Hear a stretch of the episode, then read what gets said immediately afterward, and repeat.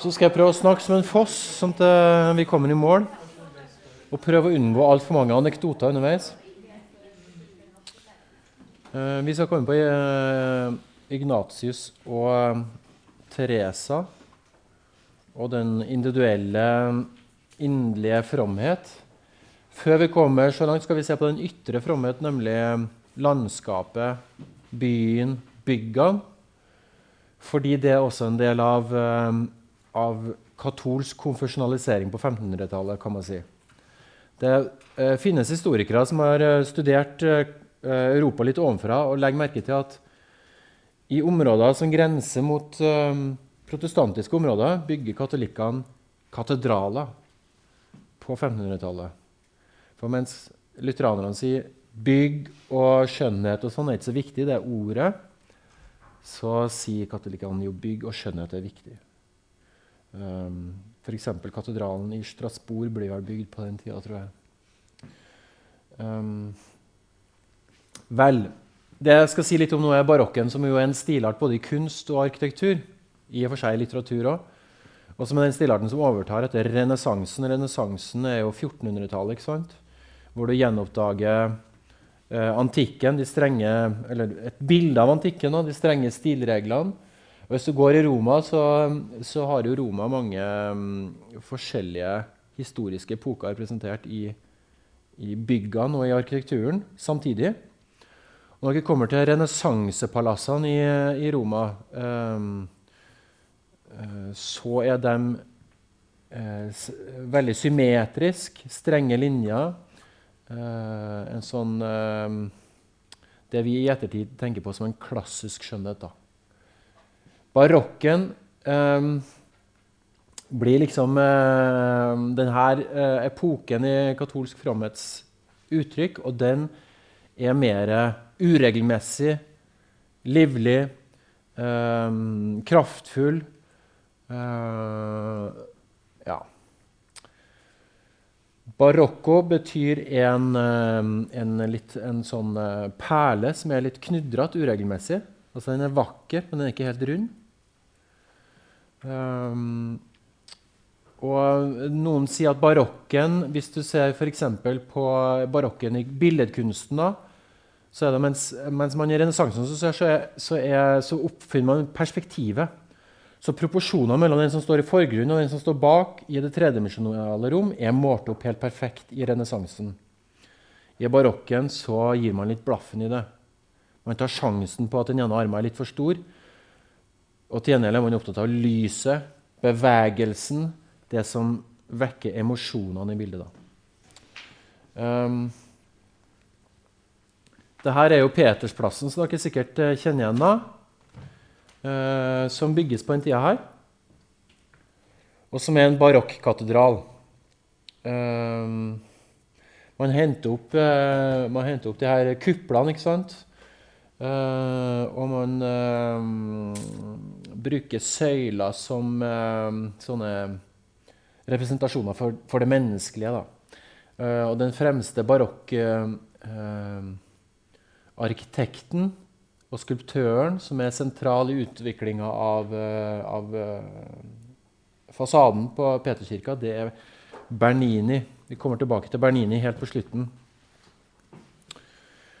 Eh, de enorme pengene som går inn og å bygge eh, barokke kirker og plasser og skulpturer i, i Roma på 1500-tallet, er en del av etableringa av Roma som den katolske kirkes kristendomssentrum.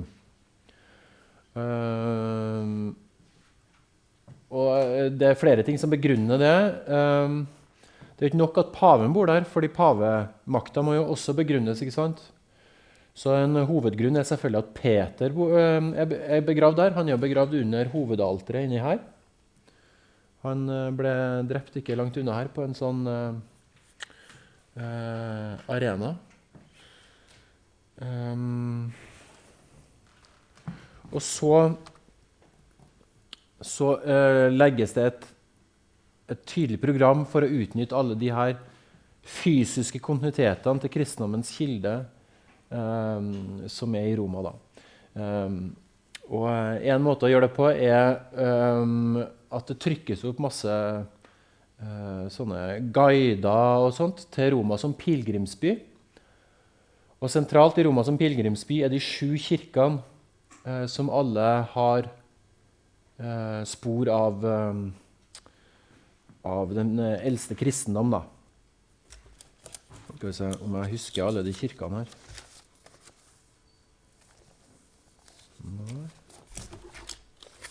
Kanskje dere har sikkert vært der. Altså Her har man jo eh, San Giovanni Laterano, som er, som er, den eldste pavekirka, hvor paven satt, og som er det området kirka fikk av eh, keiser Konstantin. Her er Peterkirka, hvor Peter er begravd. Um, her er kirka hvor Paulus er begravd. Uh, og så er det en kirke hvor uh, her er Santa Maria Maggiore, hvor um, Jesu krybbe finnes.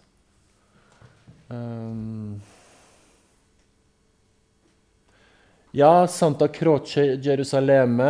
Der er altså korset som Sankt Helena, mor til Konstantin, brakt til Roma fra um, fra Jerusalem, da.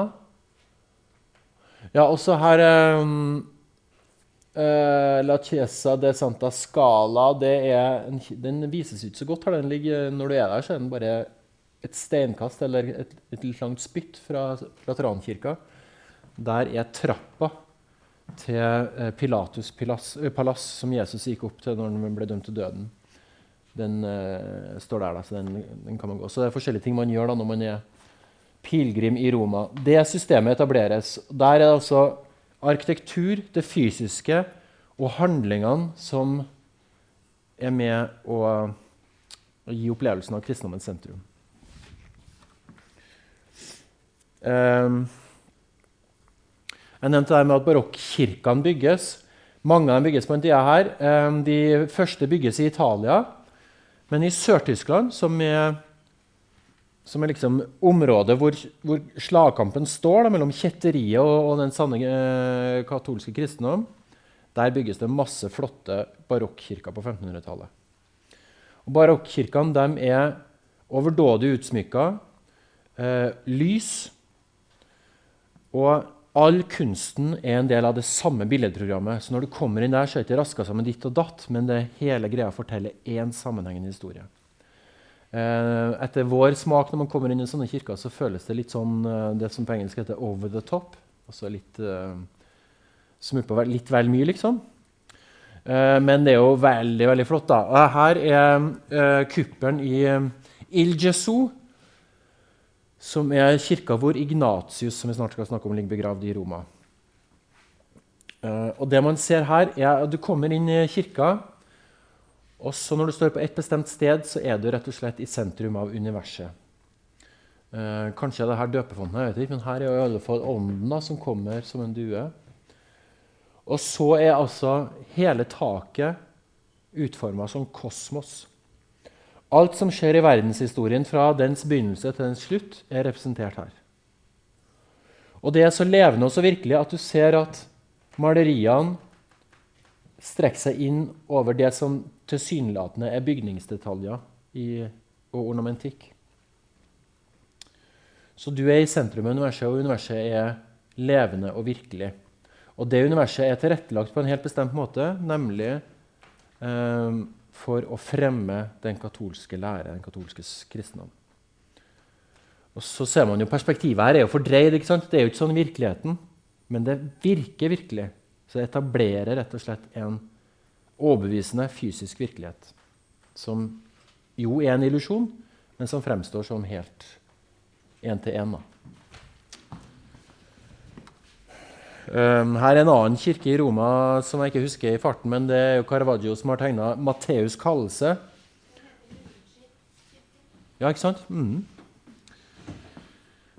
Um, jeg har vært der, og det er uh, Utrolig kult bilde fordi det der lyset er så veldig um, kraftfullt, eller så effektivt. da, ikke sant?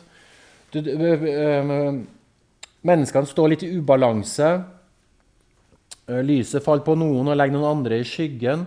Og Her sitter Matteus med tolleren og, og, er egentlig opptatt av pengene sine. Og så er det Jesus som peker på ham med en litt slapp hånd, som er den samme hånda som, eh, som Gud skaper verden med i, hos Michelangelo i Sixtinste kapell. Og så, så, ser han at han peker på seg, men prøver å peke på noen andre. da. Så bevegelse, emosjon, lys. Det fysiske nærværet.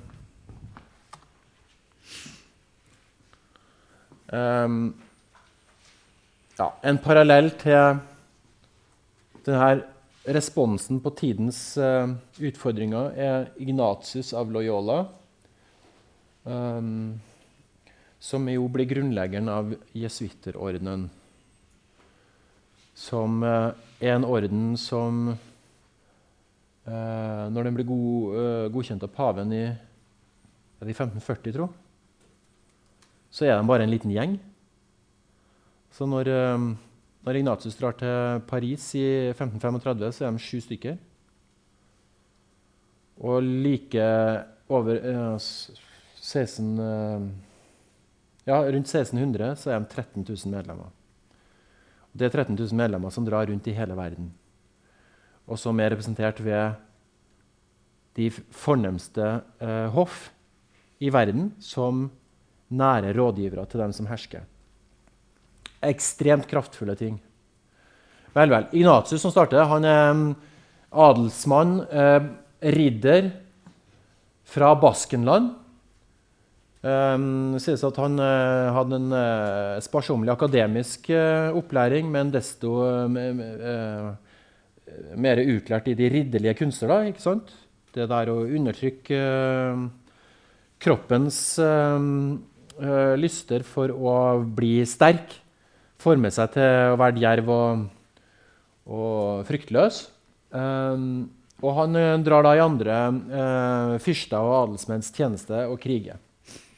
Um, han er, altså Baskenland er jo helt på grensa til Frankrike, så han, han går i krig mot um, franskekongen som angriper Spania da, og såres i Pamplona i 1521. Um, han såres med uh, at det er en kanon som uh, treffer med en kule. Uh, treffer den ene foten, men skader den andre foten òg. Han går gjennom massevis av operasjoner, men blir ikke helt bra, så han går og halter resten av livet. Um, og Så vender han tilbake til, til, borgen sin og setter seg ned og skal være rekonvalesent og lete etter noe ridderlitteratur som man jo er så vant med å lese om de store forbildene der, men det finner ikke den. Derimot finner Ludolf av Saksens Jesu liv og um, vår ens Den gylne legende, som er fortellinga om alle helgenene fra 1200-1300-tallet. Og så begynner han å lese det. da. Og så finne ut hva skal jeg nå gjøre med livet mitt. Skal jeg prøve å komme meg tilbake og være en ridder som er halvt og ikke kan gå? Eller som kan gå ganske dårlig? Eller skal jeg bli noe annet? Jo, jeg skal prøve å bli sånn som de her forbildene i de bøkene her. Jeg skal eh, drive med Jesus-etterfølgelse og bli en, eh, en hellig mann. Så da uh, får han en omvendelsesopplevelse da, en, uh, og, og, gir seg hen til Kristus-etterfølgelse. Og er det jeg husker ikke hvem av, her, eh, av hans første følgesvenner som skriver den første biografien om ham, men uh, der sies det at samme dag i 1521 som Luther sa nei til uh, det gikk en djevel inn i Luther, så han sa nei til paven, gikk Den hellige ånd inn i Ignatius, og han sa ja til Gud. Så de har vært, altså Ignatius og Luther er sånne kontrastfigurer opp gjennom historien. Så drar han til Montserrat da, og, uh, og, den berømte Sorte jomfru, hvor han tilbringer en natt i bønn. De fleste uh, påstår at det er her han um, gir fra seg ridderklærne sine og våpnene sine og tar på seg en, en pilegrimskutte. Gir fra seg muldyret sitt for å gå resten av livet. Men noen sier at det er i Manresa at han gjør det, da, hvor han drar siden for å for å komme seg og tenke over livet, hva det skal bli av en nå, som han ikke er ridder og han har bestemt seg for å være kristen. Uh, ja, og da sies det at det er her han begynner å jobbe med exercitia, exercitia spiritualia, um, de åndelige øvelser, som er oppskriften på hvordan man former seg selv eller et menneske til å bli from. Um, ja. Han, dra til, han, drar til Jerusalem da, på pilegrimsferd. Men han får ikke vært der så lenge, så han ble kasta ut og, og, sendt hjem igjen. Og begynner å studere. da. Her går han og lærer seg latin, for det kunne ikke han fra før. Uh, sammen med folk som er halvparten så gamle som seg. Og, og tigger mat på kveldene og slår seg sammen med, med løse fugler for å snakke med dem vende til Barcelona, Salamanca og Paris for å studere etter hvert. Uh, Dette er det fremste, eldste universitetet i Spania. Da. Her er det eldste universitetet i Europa og det fremste teologiske fakultetet i, i uh, middelalder og nytid. Da. Der samler han følgesvennene rundt seg, som blir the founding fathers of Societas Jesu, Jesus samfunn. Uh, eh, Forkorta SJ. Så når det står SJ bak et navn, så betyr det at de er jesuitter. Um, uh, og så uh, vennen til Roma da, med sine venner i 1536 stiller seg til pavens tjeneste i kampen for Guds ære. Um, og um, den der militærbakgrunnen har han jo med seg i det at Altså det med å være det at en, en, som kristen eller troende er en slags soldat, det er et gammelt bilde. Det finner du allerede i Efeserbrevet i Nytestamentet. Eh, troens, eh, nei, Guds fulle røstning, troen som sverd og håpet som skjold og sånt. Så dydene er eh, tegna i, i, soldatens metafor. Da. Men opp gjennom middelalderen så er det med, med den kristne soldat. Militas Christi det er eh, et klassisk Eh, bilde, da, men, uh, men, det er viktig hos Ignatius også. Um, og de eh, stiller seg da til tjeneste for paven i kampen for Guds ære og gir løfte om å dra dit paven vil, uansett hvor det er. Og Så er det i 1540 at paven godkjenner ordenen. ordenen og i 1622 kanoniseres Ignatius da, sammen med Teresa, som vi skal komme tilbake til. Um, ja, hvis vi hopper ned her nå Peter Marshall sier grunnen til at de er så utrolig effektive, de jesuitene, er at de kombinerer den monastiske struktur, den monastiske disiplin, altså der man har fra klosteret, med en veldig fleksibel aktivisme. De er tiggermunker, de òg, men de er aktivistiske tiggermunker som vil utrette noe. Først med seg selv, og siden med verden. Og Den kombinasjonen gjør dem veldig effektive. da. Og Det de først starter med, og som gjør seg kjent med, er at de går i gang med utdanning. De, de er jo disiplinerte, lærde mennesker som gir gratis utdanning. Svært sjelden så blir de svært populære på det. Men utdanninga er så bra at de blir etterspurt også blant de sosiale elitene. Og de blir etter hvert rådgivere hos de fremste herskerne i verden. Og det sies å være et trekk blant jesuittene siden at de når de driver eh, med misjonsvirksomhet, så går de til elitene først. Og går dit med kunnskap og utdanning. Og så får de innflytelse over hele samfunnet øh, derigjennom. Da. Så når de f.eks. dro til India for å misjonere, så drar de til braminerkasten. Og blir en del av presteskapet der. Og så får de innflytelse i de, i de rette lag. Da. Eller til mandarinene i, i Kina. da. Eh, de virker som predikanter, skrift, skriftefedre og misjonærer. Uh, Fyrsterådgivere. Du har en som kalles for Klosterlasse. Laurentius Norvegicus, en nordmann som drar ned til Europa og studerer på jesuitter. Eller på, i Løven og på de fremste katolske universitetene og blir jesuitt. Og kommer tilbake som uh, oppdrager og lærer i, i Sverige. Med oppdrag fra paven om å vinne Sverige tilbake for katolisismen. Og det lykkes nesten. Altså, um, dronninga er katolikk. Og um, er det kong Johan prøver å, å rekatolisere helt til Strande. Og etterfølgeren hans kaster klosterlasset ut, så han blir forvist og dør i, på Baltikum. Da.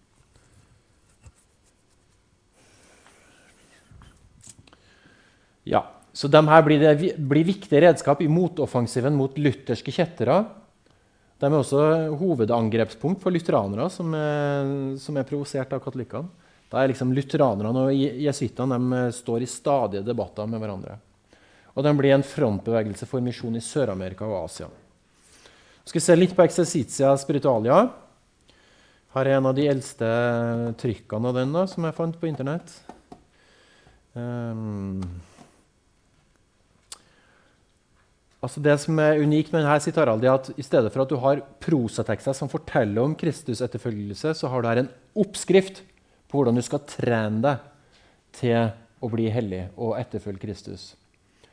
Resultatet er verifiserbart, og resultatet er hellige mennesker som kan settes inn som redskaper i et systematisk arbeid for å fremme Guds ære. Det er en fireukersprosess eh, øh, som er en retrett, altså en tilbaketrekning fra, fra hverdagens øh, mas og kjas. Og retreat-bevegelsen er jo har jo spredt seg og er viktig i hele verden nå. Det å liksom dra, ta en pause fra hverdagen for å tenke på seg selv og livets alvor og, og hvem jeg egentlig vil være, det er, det er um, Ignatius sitt konsept. fordi nå kan du gjøre det uten å gå i kloster. Du kan gjøre det i fire uker. De tilbyr det for hvem som helst. Og har du det travelt, så kan du få en firedagersløsning. Altså det er svært fleksibelt. Uh, du får en, en veileder og Så er du alene nær Gud og deg selv, og så går du inn i de øvelsene som uh, i den riktige rekkefølgen som er angitt i boka. da. Uh, ja, det her er introen til boka, uh, som handler om det der med at Jeg, syns det var gøy, for jeg jobba en del med Augustin, og her vrir Ignatius på Augustin med at det er bare Gud du skal nyte, alt andre skal du bry, bruke. Så det betyr det finnes én ting i verden som uh, du bare skal ta til deg, som, uh, som styrer alt. Altså, nemlig det å nyte Gud, lovprise Gud. Mens alt annet i verden er, kan du ha et pragmatisk forhold til. Det skal tjene Guds ære. Så det er liksom blandinga av fasthet og fleksibilitet, pragmatisme, som er så typisk for jesuittene, er uttrykt i akkurat det der. Da. Uh, for langt sitat, så det får dere se på fronter. Første uke starter med selvransakelse. Uh, gjerne, altså De her små bøkene som trykkes i massevis. Jeg har selv vært på retrett en gang og testa det her. Det var jo nokså enerverende, men det er interessant òg. Uh, eh, de er illustrert med sånne bilder som du skal se for deg og tenke på. og med appeller til forskjellige sanser du skal bruke for å sette deg inn i det. Så her jobber, og du, du jobber med kroppen gjennom sansene, selvfølgelig. Til del, først og fremst med syn og forestillingsevne. Men uh, Ignatius piska jo seg sjøl, så du, du, kan bruke sansene mer enn som så. Da. Og målet med det er å forme sjelen. Så mens sjelen tas for gitt som en som er anfekta og bare kan befris av noe utenfra hos Luther, så er sjelen formbar hos Ignatius. Du kan sette et mål, og så kan du bli den du vil bli. Um, så du starter med å ha gjennomtenkt ditt eget liv, dine synder og feil erkjenne svakheter og bekjempe dem. F.eks. når du har fått kontroll over det og vet hvem det er, så hver gang den synden kommer igjen, så skal du slå deg for brystet og si sånn og sånn, selv om andre er til stede.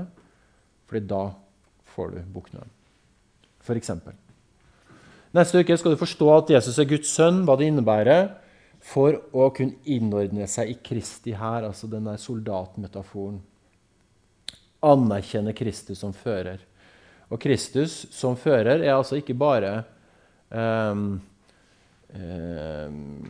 den du tror på, som er kirkens herre i Tyskland. Kristus er verdens herre.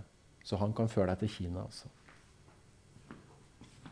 Universalistisk. Det er jo forskjellig fra lutherdommen. Dette er universalist, et universalistisk konsept. Så skal du øh, leve deg inn i beretninga om Jesu lidelse i tredje uke. Tenk Du skal bruke en hel uke på hver av her greiene. Og det er jo, det er jo øh, visualiseringsinstrukser for hver eneste dag. Og så går det jo for veiledning hver dag. Hvordan går det nå med det her? Kanskje har du ikke kommet i havn med syndene dine på ei uke, vel, så får du bruke to uker på det. Så bor du på et uh, jesuiterkollegium eller et eller annet sånt, blir tatt hånd om, men det jobber du med. Og det er jo altså lekfolket. Masse folk går gjennom det her, så de får en enorm innflytelse gjennom det her. da. For en ting er at, de, at, du hører på hva jesuitene eh, sier, men du går inn i, inn i deres system for å forme sjelen din og følelseslivet ditt. Det er jo ganske kraftfullt. Ja, Du eh, lever deg inn i stasjoner på Jesu lidelsesvei. Jeg skal lese sitatet her, for det er litt sånn klassisk med, med appellen til sansene. Jeg tenker gjennom hva Kristus lider, og så begynner jeg av all kraft å bestrebe meg på å lide, sørge og gråte sammen med ham. Og Her er stedet hvor man tidvis eh, påfører seg selv fysisk smerte da, for at det her skal ta bolig i ens sjel. Og så siste uke, som er spesiell og en nyvinning av, eh, av, eh, av uh, jesuittene, det er fokuset på Jesu oppstandelse. Å glede seg over Jesu oppstandelse. Og da er Sanseinntrykk man bruker på det, er jo å uh, feste seg ved andre gledelige ting. Dagslyset som kommer. Uh, blomstene som åpner seg, lukter godt om våren. Alt mulig sånt. Så eh, persepsjon, virkelighetsoppfatning og det forminga av sjelen som en ny variant av Jesus går i ett.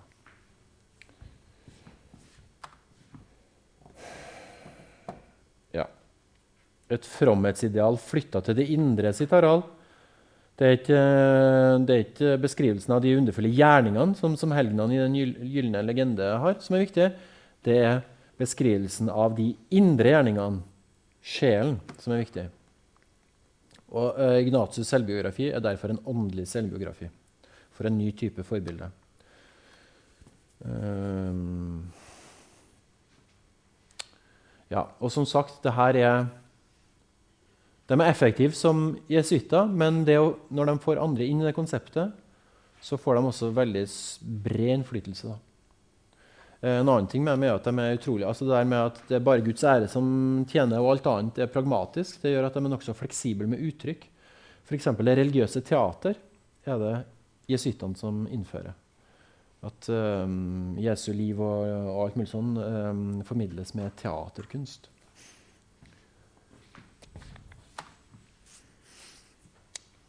Uh, ja, Teresa av Avila. Uh, også fra Spania. Um, vokste opp med en hvis selvbiografien hennes har rett, en usedvanlig religiøs interesse. Interesserer seg for helgener og, og, sånt nokså tidlig. Og hun forteller her om eh, en scene fra barndommen som har vært før hun ble 13, eh, sammen med broren. da. Uh, hvor jeg sitter og leser uh, helgenfortellingene, kanskje en gylne legende eller et eller annet. Og da sier jeg, og når jeg så de martyrene som de hellige kvinnene hadde holdt ut for Guds skyld altså Det å uttale et martyrium er jo å dø for, for kristendommen, for troens skyld. ikke sant? Syntes jeg de for en billig pris hadde skaffet seg adgang til gleden i Gud. Og Så snakka jeg litt med broren om det, og så blir hun og broren enige. da. Vi ble enige om at den beste måten var å gi seg av sted til maurernes land, tigge og be om gaver for Guds skyld, og så bli halshogd der nede. Den derre eh, destruksjonslengselen, som er en sånn veldig fromhet og gudslengsel på en gang, den merker man jo allerede her. da. Og Det sies at uh, hun faktisk bega, seg av gårde med lillebroren sin. Tassa ut av byen og ned mot uh, ned mot det ottomanske riket da. En lang tur, Men hun ble stoppa av broren og sendt tilbake til foreldre. Nei, stoppa av onkelen, som fant dem. Um, 13 år gammel dør mora hennes, og hun blir gitt til augustinernonnene i Avila.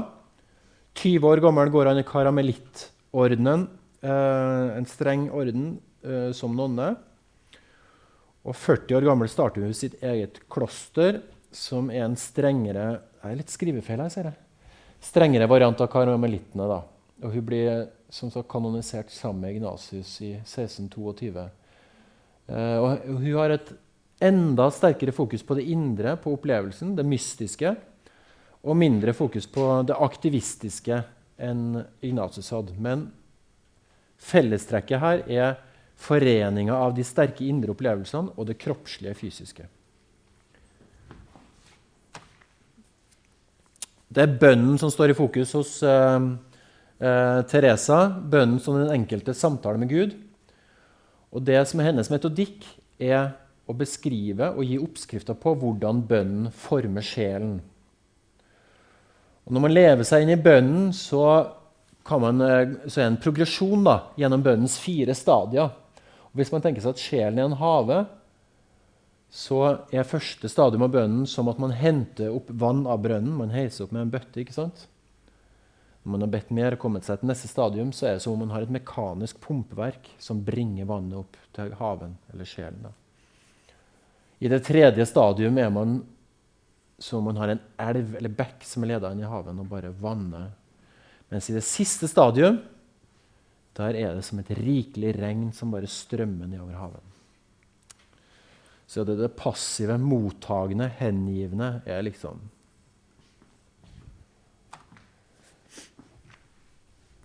Og den bønnen er veien frem mot enighet med Kristus. Det er jo enighet med Kristus som er målet hennes òg, men eh, av den litt annen vei, da. Um, kalles det her òg stadium? Det var litt misvisende. Jeg tror jeg må ha skrevet feil på en. Um, I første stadium så handler det om tårene. Der fortviler man over ens egne synder og ens egen uh, forkortkommenhet. I neste stadium har man kommet seg over det og merka at ens vilje er tatt til fange av Gud. Man, man yter ingen motstand mot Gud lenger. Um, I tredje stadium så står man i nådens vann. Man dør bort fra verden og blir i gleden hos Gud. Og da er også forstanden og hukommelsen forent med Gud. Da er heller ikke den på Uh, altså i, i, andre stadium så går gjerne forstanden og hukommelsen i andre retninger, og sånt, mens viljen har liksom falt til ro hos Gud. Da. Her er det hele falt til ro hos Gud. Og I det fjerde stadium så kommer selv ordene til kort, for da er sansene fanget i nytelse. Da er du rett og slett forent. Da. Og det merkes ved et svakere åndedrett. Øynene faller igjen. Da vil jeg vise dette bildet av uh, Teresas ekstase, som er Bernini igjen som en annen kirke i Roma. Den husker jeg heller ikke i farten. Hva heter Hvem, hvem har ikke som har vært der? Nei? Ja, ikke sant? Det var du som vært i San Lorenzo. Mm. Den ligger Ja. Det er litt lenger å gå dit, da. men eh, det er noe veldig fascinerende. da. Du må putte på 50 cent eller noe sånt for å få lys på den der. Men det er det verdt, altså. Her er, um, det, her er en, um, det her er jo fra 1640, eller noe sånt, så det er jo en god stund etter at Teresa er død. Men ikke så veldig lenge etter. Uh, og um, Det er altså en skildring av hvordan det tar seg ut når hun er i denne ekstasen. Eller i denne fjerde nivået av bønn. Da, da er hun forent med Kristus. Um, og Bernini han, uh, forteller at han har tatt utgangspunkt i dette sitatet fra hennes selvbiografi når han har lagd statuen. Da skal jeg lese det på engelsk for dere. It pleased our Lord that I would sometimes see this vision. An angel appeared in human form. In his hands I saw a golden spear. With this he seemed to pierce my heart several times, so that it penetrated to my entrails. When he drew it out, I thought he was drawing them out with it, and he left me utterly consumed by the great love of God. The pain was so sharp that it made me utter several moans and so excessive was the sweetness caused me by this intense pain that one can never wish it to cease, nor will one's soul be content with anything less than God. Så her opplever jeg noe som er så sterkt og så vakkert og så flott at alt annet blir som ingenting verdt. Foreninga med Gud, da. Uh, Foreninga med Kristus. Og For å uttrykke det så er mange som mener at Bernini han har, han har øh, øh, fremstilt en seksuell ekstase. Um, med, med, øynene som er halvt lukka her, og munnen som er halvt åpen, og de hendene som er, og, og bare bena som er nesten sånn viljeløse. Overgitt. Um, men hun ble altså et, et viktig forbilde um, en viktig teolog fordi hun viser hvordan den fullkomne fromhet er oppnåelig i det menneskelige og i det fysiske, i det kroppslige. Det er ikke noen avstand mellom det. De kan rett og slett forenes. Um, og det er, en, det er, en, kvinnes vei til den fullkomne uh, helligheten.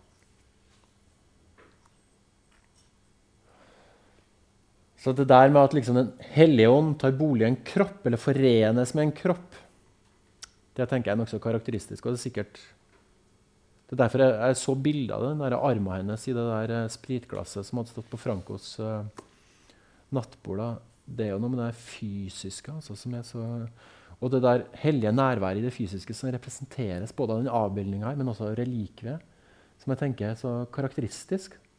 Og som en respons på akkurat de samme utfordringene som protestantene responderer på, men det er den motsatte respons. Det er individualisering, intensivering, men ikke ved å skille ord og gjerning, eh, ånd og kropp, men med å forene det, gjøre det, holde det totalt sammen.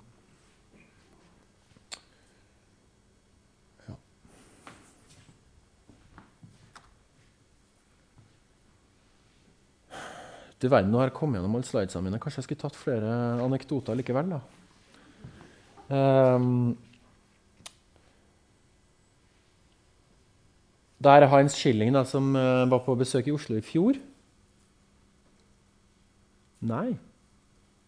Det var i høst.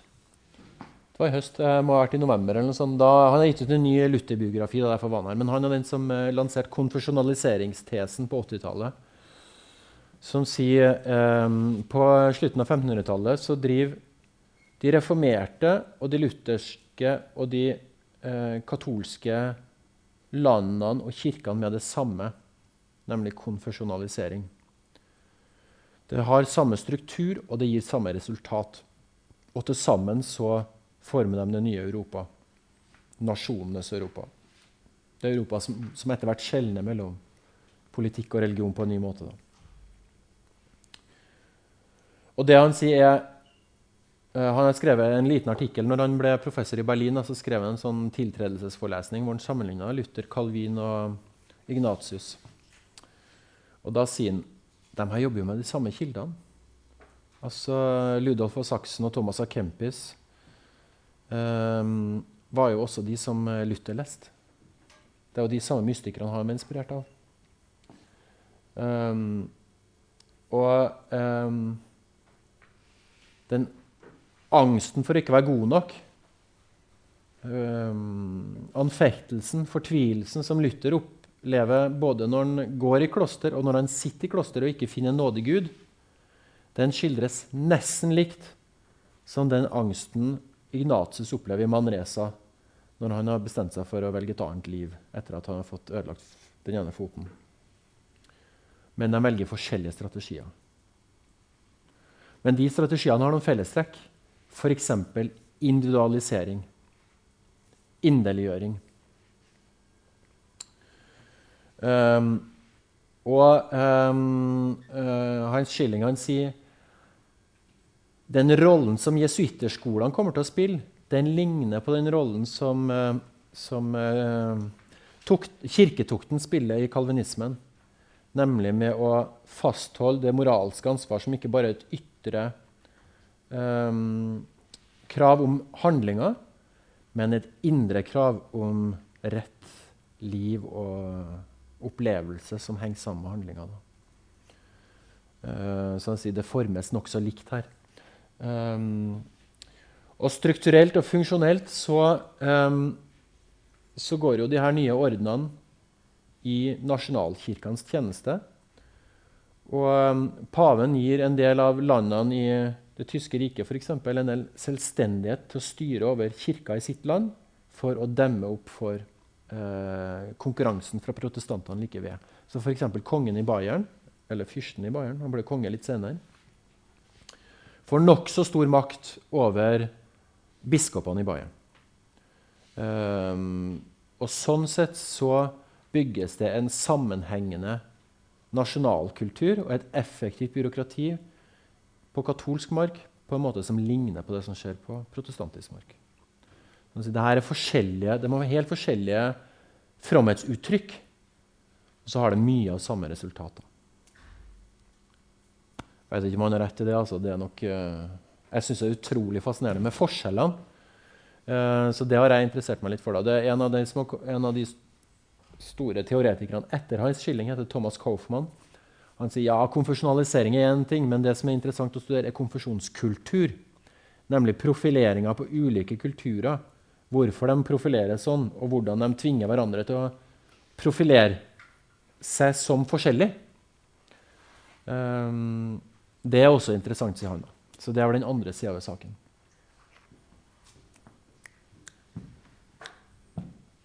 Nå har jeg ikke noe mer. Nå må jeg ha spørsmål, da.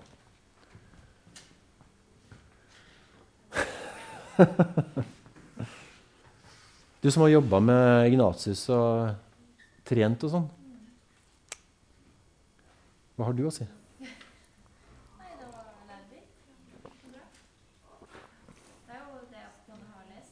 Ja. Mm. Ja, altså det, det jeg har snakka om i dag, er jo veldig mye tatt fra Tarald og Peter Marshall. da. Så det, det er folket der.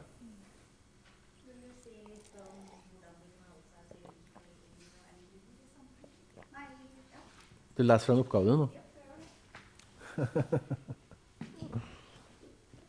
ja, det er ikke det jeg har sagt i hele dag, egentlig.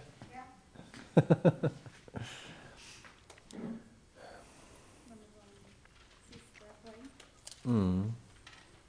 Ja, det, kanskje du har et spørsmål til? Ja, ta det òg nå med en gang.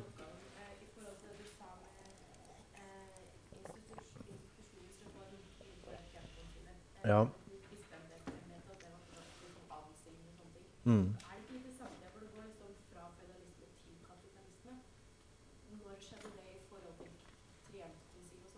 Ja. Mm.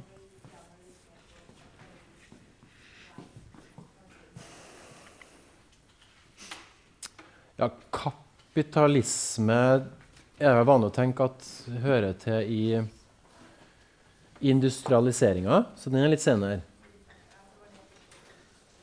Men det som vokste frem på 1600-tallet, er jo absolutismen. Eh, den eh, kommer jo først i Frankrike. Og det um, franskekongen gjør da, er at han trekker adelen til seg, tvinger han til å bo hos han, for at de skal miste kontrollen med sine egne territorier, men være avhengig av hans gunst for å få eh, goder. Da. Og da samler han makta hos seg sjøl. Um, og det inspireres man til rundt i det, i det tyske riket også, til absolutisme. altså til å for eksempel, ved hoffene i gamle dager så er det sånn at uh, de viktige adelsfamiliene En adelsfamilie er Det meste av jorda i et land er eid av adelsfamiliene. Fyrsten eller kongen er bare litt. Så for at fyrsten skal kunne drive militærvesen, og sånt, så må han ha penger fra adelskapet. Så da er han avhengig av deres gunst. Så der ble han, han sier jeg kan beskytte dere mot at dere støtter meg. Så ved hoffene, så de viktige regjeringspostene, kan du si, er de viktige adelsfamiliene som har hevd på. Det man begynner med i absolutismen på 1600-tallet, er at kongen sier nei. Jeg bestemmer sjøl hvem jeg vil ha her. Og jeg vil ha en jurist som utdanner på mitt uh, universitet. Da er den juristen har da altså ikke sin egen eiendom som maktbase, men lønna fra kongen som maktbase. Da får den kongen med mye større makt. Um, og der uh, stiller konfesjonene seg litt ulikt. Um, Lutheranerne allierer seg med adelen mot den absolutistiske eh, kongen. Kalvinistene går inn og støtter den absolutistiske fyrsten. Mens eh, katolikkene er, eh, har et, et, alternativt adelskap, kan du si. Så de eh, lar seg ikke underordne absolutismen så lett. I Frankrike så det, blir det noen sånne forhandlinger og samarbeid, da, men uh, ja, det er kalvinismen som støtter absolutismen. Da.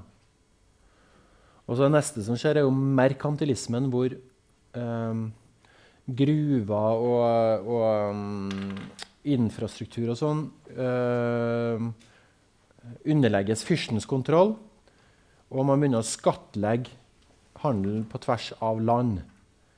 Uh, som er en sånn oppbygging av en nasjonalistisk økonomi, økonomi, kan du si da.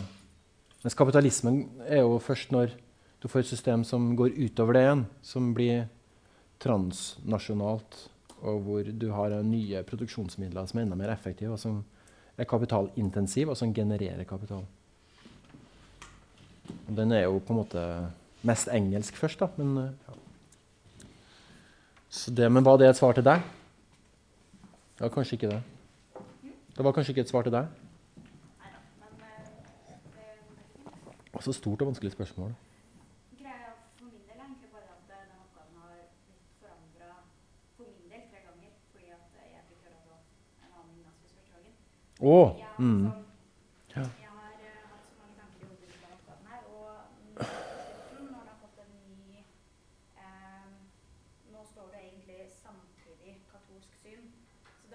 mer enn Ignatius. Ja. Eh, Mm.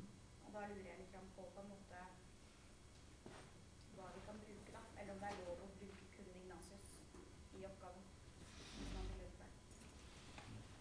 Nei, men du kan jo gjøre et forsøk, og så høre med gruppelæreren om hun syns det er lurt.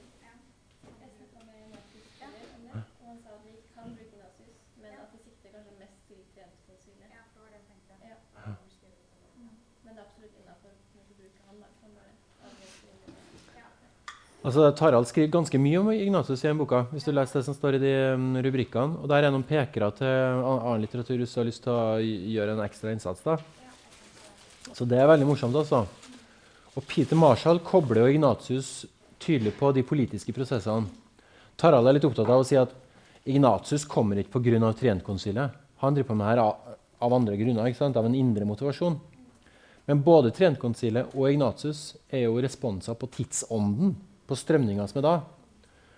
Og det Ignatius gjør, får jo veldig effekt for det prosjektet med å styrke katolisismen som Trientkonsilet legger til rette for.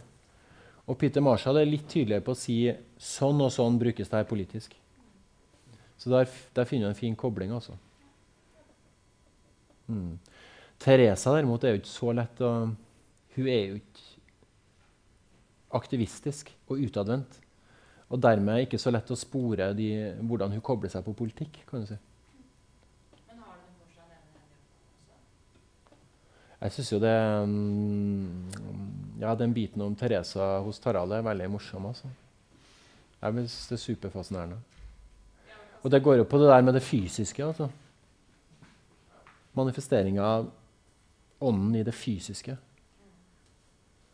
Det ligner jo på Corpus Christi-festivalen, for eksempel, som jo blir et sånn derre um, En ting er at, eh, at eh, hostien er hellig, og alt mulig sånn, men som prosesjon er den jo også en politisk markering av at her har katolisismen vunnet. ikke sant?